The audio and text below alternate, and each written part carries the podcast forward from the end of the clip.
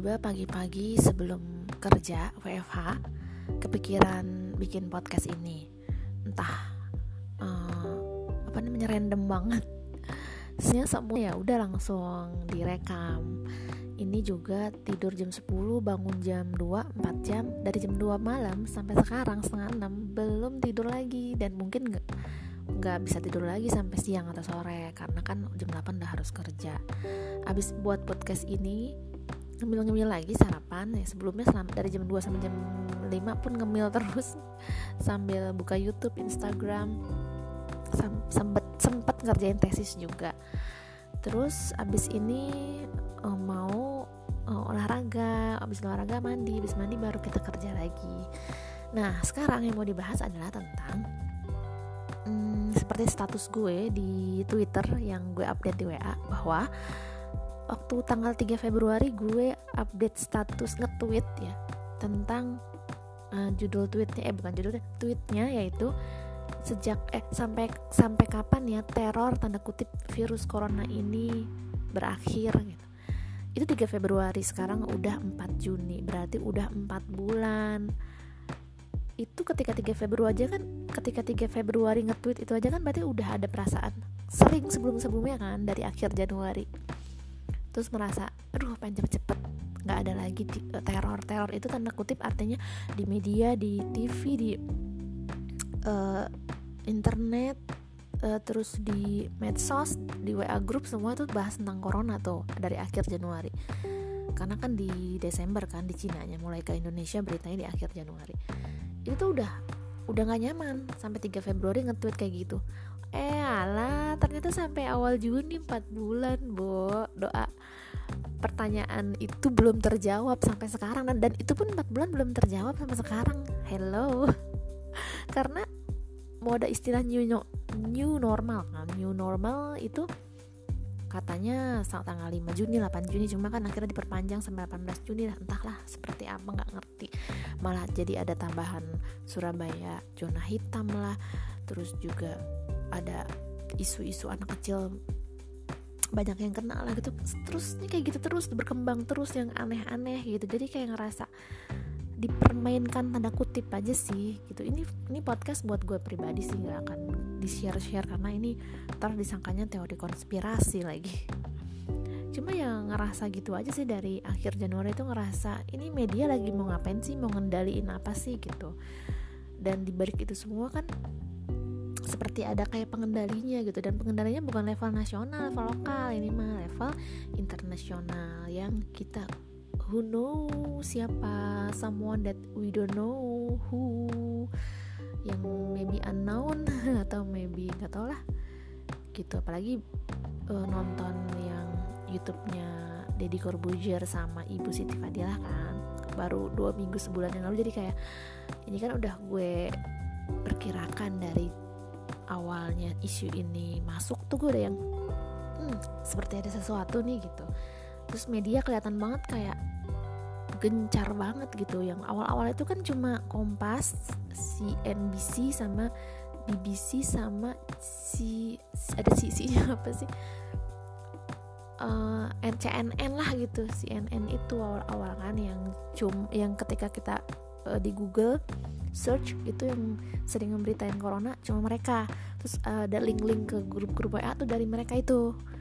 Detik tempo terus tribun apalagi itu liputan 6 terus Instagram yang kayak info-info gitu lambe turah dagelan apa semua itu belum belum se, se gencar si media itu. Waktu awal-awal nah lama-lama mulai tuh apalagi ketika tanggal 3 Maret atau 6 Maret ya uh, pasien pertama positif di Indonesia tuh heboh seluruh Indonesia. Aduh nggak tahu nggak tahu lagi aku sama mental orang Indonesia gitu. Kayak otaknya tuh mata dari mata dari dari telinga itu keseret ke otak ke hati ke perilaku ke sikap gitu yang kayaknya gampang banget ke sihirnya gitu ke hipnotis sama medianya itu gampang banget. Ya nggak gak usah nanya sih udah tahu jawabannya. Karena memang secara psikologis itu kan proses internalisasi. Jadi apa yang kita lihat apa yang kita baca apa yang kita dengar itu setiap hari media itu bisa 10 jam kita konsumsi dari bangun tidur sampai tidur lagi. Kita nggak berasa mengkonsumsi media selama 10 jam kurang lebih. Itu setiap hari. Satu hari. Sekarang kalau udah 4 bulan tentang corona berarti udah berapa hari? Udah 120 hari dikali 10 udah 1200 jam kita mengkonsumsi tentang corona. Atau nggak mungkin nggak 100% nah anggap 50 persennya aja berita itu tentang corona. Udah 600 jam kita mengkonsumsi tentang corona. Gimana nggak terinternalize bahwa kita jadi kadang ada yang lebay, ada yang takut berlebihan, ada yang parno dan segala macam yang terlihat bukannya dalam konteks waspada atau ikhtiar menghindar atau antisipasi, jadi malah kayak lebay ketakutan berlebihan. Itu yang sebenarnya nggak boleh sebenarnya. Malah kan jadinya kalau terlalu parno malah imun kita jadi drop gitu. Ada mungkin hormon-hormon dalam tubuh yang dihasilkan ketika kita terlalu stres panik apa gitu. Nah jadi itulah yang aku rasakan yang gue rasakan saat ini makanya langsung bikin podcast ini yang entah judulnya apa nih podcast diari corona boleh? Nggak jelas banget. Ya gitu jadi dari inget banget itu pertama kali ada di grup WA itu tanggal 23 Januari kan tentang corona. Itu juga yang akhirnya berimpact pada eh, jalan-jalan aku ke Thailand yang yang lain pada nggak jadi gara-gara corona. Tinggal gue doang sendiri kan itu udah gak nyaman tuh 23 Januari sampai ada tweet itulah 3 Februari dua minggu gue gak nyaman. Sampai di, ke Thailand pun gue gak nyaman. Pulang di Thailand pun kan jalan-jalannya udah sendiri udah udah ada isu corona tuh kayak deg-degan gitu kan di bandara mau pulang aja kan banyak yang ke Cina gitu-gitu terus yang aduh kayak gitu. Jadi kayak kurangnya 100% nyaman ketika ke Thailand itu sepulangnya dari Thailand pun juga banyak yang kayak menghindar bukan menghindar sih eh lu 14 hari inkubasi dulu gitu sampai dosen WA nggak boleh masuk ke kampus kan. Itu itu tuh event terkocak gitu. Kayak gue apaan aja ya. Terus tapi tapi lucu sih misalnya nggak ya santai aja dan saat itu mikir ya udah gue mau butuh waktu sebulan untuk meyakinkan orang-orang bahwa I'm okay gitu. Dan emang gue nggak ada keluhan juga paling keluhan pusing apa segala macam itu kan flu-flu biasa karena kecapean atau apa gitu. Gitu jadi pas udah selesai dari tanggal 9 Februari waktu awal Maret tuh gue udah yang awal Maret tuh udah lega gitu. Weh gue nggak kenapa-napa loh. Kalian udah terbukti gue kenapa gue nggak kenapa-napa kalian boleh berinteraksi sama gue. Makan minum bareng gue boleh. Cuma kalau di kantor sih yang paling cuek tuh si Yuni ya. Yuni itu tanggal 14 Februari aja kan kita ada acara Valentine gitu di samping kantor. Terus besoknya juga kan kita dapat voucher makan gitu. Dan dia tuh makan bareng gitu segala macam dia tuh cuek aja gitu nggak yang mbak ntar dulu ya pura-pura sibuk gitu karena dalam hatinya takut gue bisa di Thailand. Gak dia bahkan waktu ke Thailand aja dia yang bantuin banget gitu ya karena dia kan pernah November backpackeran di Thailand. Jadi ya itulah sahabat sejati bisa kita lihat dari saat kita butuh atau tidak saat ya seperti itu. Cielah nih Yuni harus dengar nih podcast aku nih. Uh, apalagi ya tadi? Ya gitu. Jadi pas awal Maret tuh ya merdeka gue bebas gitu. Nggak ada yang suuzon zon lagi sama gue. Nggak ada yang ketakutan berlebihan uh, mendekati gue. Nggak gitu juga sih alah ternyata malah awal Maret itu justru Indonesia kena. Karena gue udah mikir gini ah ini ini nggak mungkin Indonesia nggak kena nih. Gue yakin pasti kena nih tapi Indonesia lagi disimpan dulu gitu. Karena kan ya seuzonnya ada permainan politis juga tanda kutip. Karena saat itu kan Indonesia juga lagi heboh banjir. Jadi kayaknya kalau masuk corona itu terlalu dramatis kan. Dunia banjir corona juga. Jadi kayak tunggu tunggu. Tahan dulu. Lagi pula sekarang kan lagi hebohnya masih di Cina kan? Cina uh, luaran Cina Asia Tenggara tuh baru yang Thailand Malaysia Singapura baru gitu. Jadi yang yang banyak banyak Cina Cinanya dulu aja yang yang yang kena gitu. Gue udah nebak Februari. Entar nih Indonesia tunggu aja. Bener kan? Ada dan dan pasien positif 1, 2, 3 tuh yang konyol gitu. Cuma gara-gara dansa terus pas pulang ke mana? Ke Malaysia apa ya? Warga negara Jepang bagaimana harus ditelepon. Pokoknya by phone gitu bukan yang kayak officially dia ke mana ke mana. Pokoknya agak agak konyol deh gue lupa ceritanya uh, kronologinya mereka itu.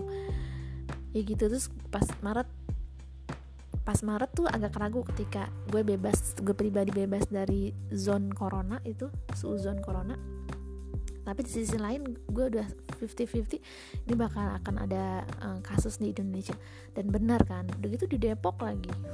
Udah gitu kenanya di Kemang lagi gue tiap hari kerja lewat Kemang.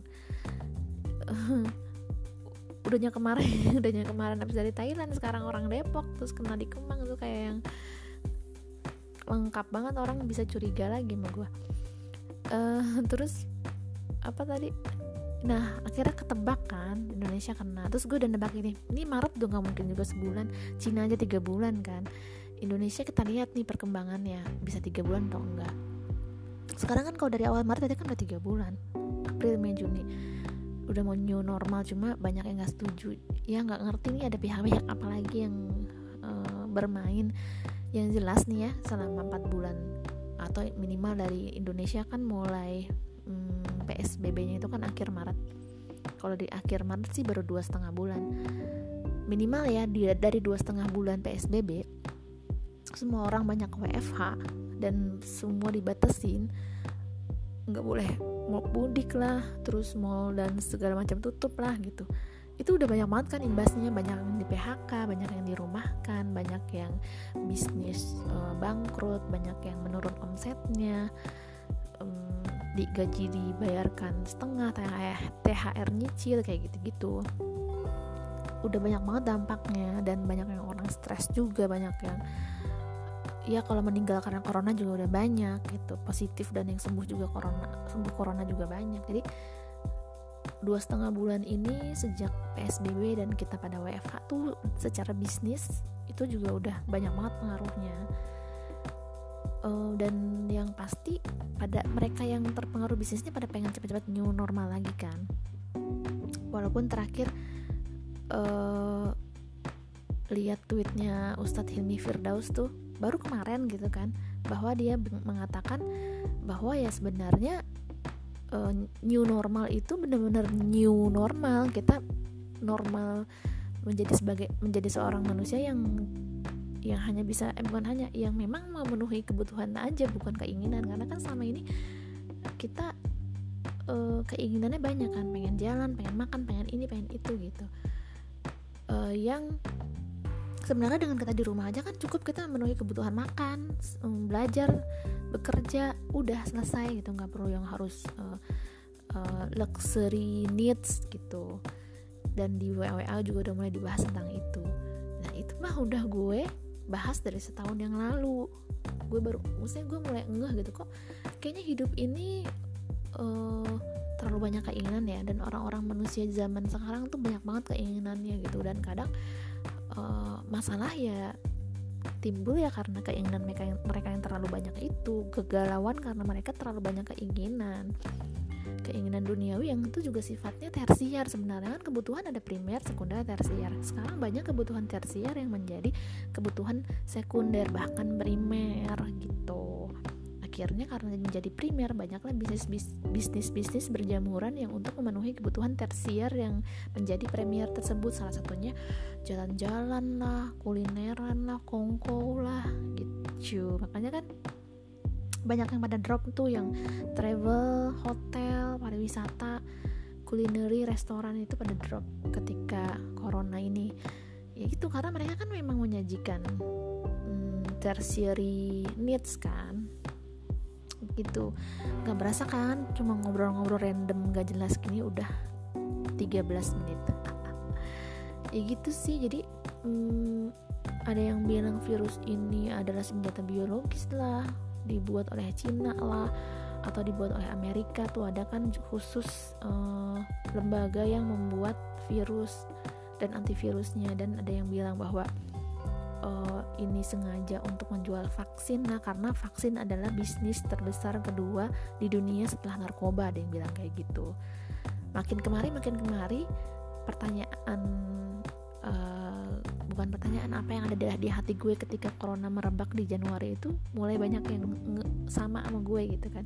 Mulai banyak yang mempertanyakan dan mulai banyak yang konspirasi konspirasi gitu membuka konspirasinya. Walaupun gue nggak kepikiran ketika itu untuk membuka cuma kayak pengen lihat aja ini ada apa gitu. Ternyata banyak yang sadar. Satu. Yang kedua juga akhirnya banyak yang juga memberikan nasihat tentang new normal atau kebutuhan vs keinginan dari ustadz dari tulisan gitu. Yang itu sebenarnya udah dari awal corona bahkan dari setahun sebelumnya udah gue uh, kayak galau gitu. Sih kepikiran kenapa ya orang-orang zaman sekarang kayak gitu gitu. Termasuk gue karena kan gue orang zaman sekarang ya. Memang teman gue dari A sampai Z teman lingkungan keluarga semua adalah orang-orang zaman sekarang yang memang sudah terbiasa dengan banyak keinginan tersebut hidup tuh dari pagi sampai malam terus kayaknya nggak ada istirahatnya kayak ibadah tuh cuma buat pelengkap aja memenuhi kewajiban aja jadi nggak berasa atau ibadah. Gitu yang berasa sih dan itu karena udah bertahun-tahun kayak gitu jadi ketika kita sadar nggak bisa drastis berubahnya pasti. Nggak bisa langsung oke. Okay. nggak ada jalan-jalan nggak ada ini nggak ada oh langsung soleh gitu wah sholat harus khusyuk. Sholat adalah ke kebutuhan dan kenikmatan gini gitu. Nggak bisa karena udah berada 10 tahun lebih kayak gitu kita punya kebiasaan kan.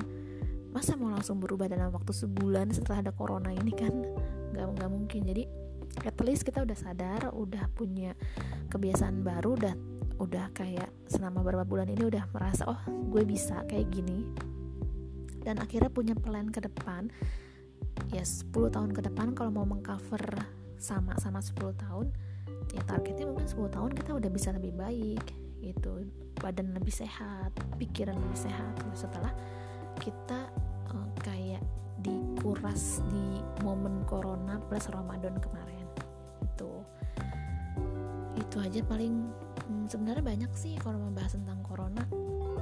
Hmm, kayak misalnya hmm, di awal-awal tuh orang hmm, pada bergelimpangan gitu-gitu itu kan belum tentu corona juga itu hoax. Ternyata juga yang di Indonesia yang bidan Ari yang katanya lagi hamil 4 bulan dibilang corona. Padahal ternyata belum ada uh, judgement tentang itu dari rumah sakit. Cuma biasa deh media kadang suka suka blow up, suka provoke dan anehnya kita tuh sering banget nge-share dan percaya gitu loh.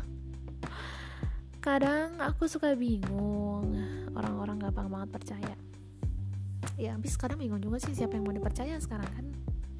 Bener-bener bingung bener-bener zaman pemerintahan yang zolim lah istilahnya. Karena bisnis bank uang ekonomi media dari A sampai Z dari akar dari hulu hilir semua mempengaruhi uh, kita dipengaruhi oleh yang punya itu semua gitu nggak nggak nggak bisa lepas udah berurat berakar kita dikuasai oleh orang-orang yang ya itulah yang zolim lah di luar banget dari Islam. Kadang saya suka pengen bermimpi pengen bermimpi. Kadang saya suka menghayal pengen banget tuh hidup dari pagi dari bangun tidur sampai tidur lagi tuh dengan sistem pribadi dan keluarga dan masyarakat negara yang Islam semua gitu. Cuma ya susah sih. Udah kebanyakan orang juga di dunia ini. Tadi pagi juga dapet mm, WA tentang mm, tentang kebangkitan Islam. Cuma gue mikirnya sih terlalu naif juga sih tuh WA cuma ya akhirnya gue dapat data sih. Ya memang ketika uh, eh, 600 Masehi sampai 1200-an itu zaman Rasulullah dan Khalifah sampai akhirnya 1900-an Turki Utsmani uh, uh, runtuh itu kan juga hitungannya ratusan tahun tuh Islam berjaya. Sekarang baru 120 tahun dari baru 100 tahun dari 1924 Turki Utsmani turun. Hitungannya baru 100 tahun mereka me, pemerintah zolim itu merajai. Tapi dunia bumi udah serusak ini. Mental dan moral orang udah serusak ini LGBT penyakit-penyakit orang bunuh diri orang stres segala macam pembunuhan kriminalitas meningkat. Orang udah nggak tahu agama udah oh, seks bebas segala macam itu itu 100 tahun gitu sejak kezoliman ini memimpin tuh udah segitu rusaknya gitu. Makanya nggak tahu lagi gitu. Kita masuk dalam masyarakat yang udah bukan di zaman Rasul dan Khalifah dan Tobiin dan sahabat sahabat sahabat dan Tobiin udahnya gitu kita masuk juga bukan di Turki Utsmani juga. Di Indonesia pula bukan daerah Arab tuh yang dan yang apa namanya pemerintah zolim juga tuh kayak udah lengkap banget. Makanya keimanan kalau kalau bisa dinilai nih keimanan gue dan yang lain orang-orang sekarang tuh jauh banget mungkin sama sebelum-sebelumnya gitu. Tapi karena memang udah kayak tercangkrem sistem dari lahir begitu jadi ya kualitas manusianya kayak kita gini. Cuma nggak mau pesimis sih. Ya memang semua umat ada takarannya. Jadi sekarang coba aja coba semaksimal mungkin berusaha memperbaiki diri dan memperbaiki umat makanya dengan pikiran-pikiran kayak gini kan pikiran-pikiran galau setahun yang lalu akhirnya tercapai gitu kan. Dulu tuh sempet yang hmm, bukan dulu sih setahun yang lalu tuh pengen banget ngerasain tuh angkutan umum tuh nggak bersesak-sesakan. Apalagi ikhtilat antara cewek dan cowok. Eh sekarang ada pembatasan di tempat umum juga gitu kan. Kan sering banget ikhtilat terus juga kadang udahnya penuh terus orang yang flu nggak pakai masker. Eh sekarang disuruh pakai masker bahkan yang nggak flu. Terus macet di mana-mana motor segala macem. Kayak udah lelah dengan kemacetan. Eh sekarang pembatasan kan kendaraan. Mudik juga kan sedih ngeliat setiap tahun tuh pasti ada yang meninggal. Berapa ribu jiwa meninggal karena mudik. Eh sekarang coba berapa yang meninggal? Pasti berturun angka pasti menurun angkanya terus pengen banget tuh istirahat malam di rumah. Sholat ibadah tuh udah nggak di jalan. Uh, pagi udah nggak buru-buru berangkat kerja. Dan ini tercapai gitu sekarang. Uh, terus pengen banget tuh kita nggak banyak keinginan. Pengen ini pengen itu pengen jalan pengen ini pengen gitu gitu sampai pulang malam segala macam gitu. Terus sampai lupa anak istri keluarga. Tercapai kan sekarang semuanya.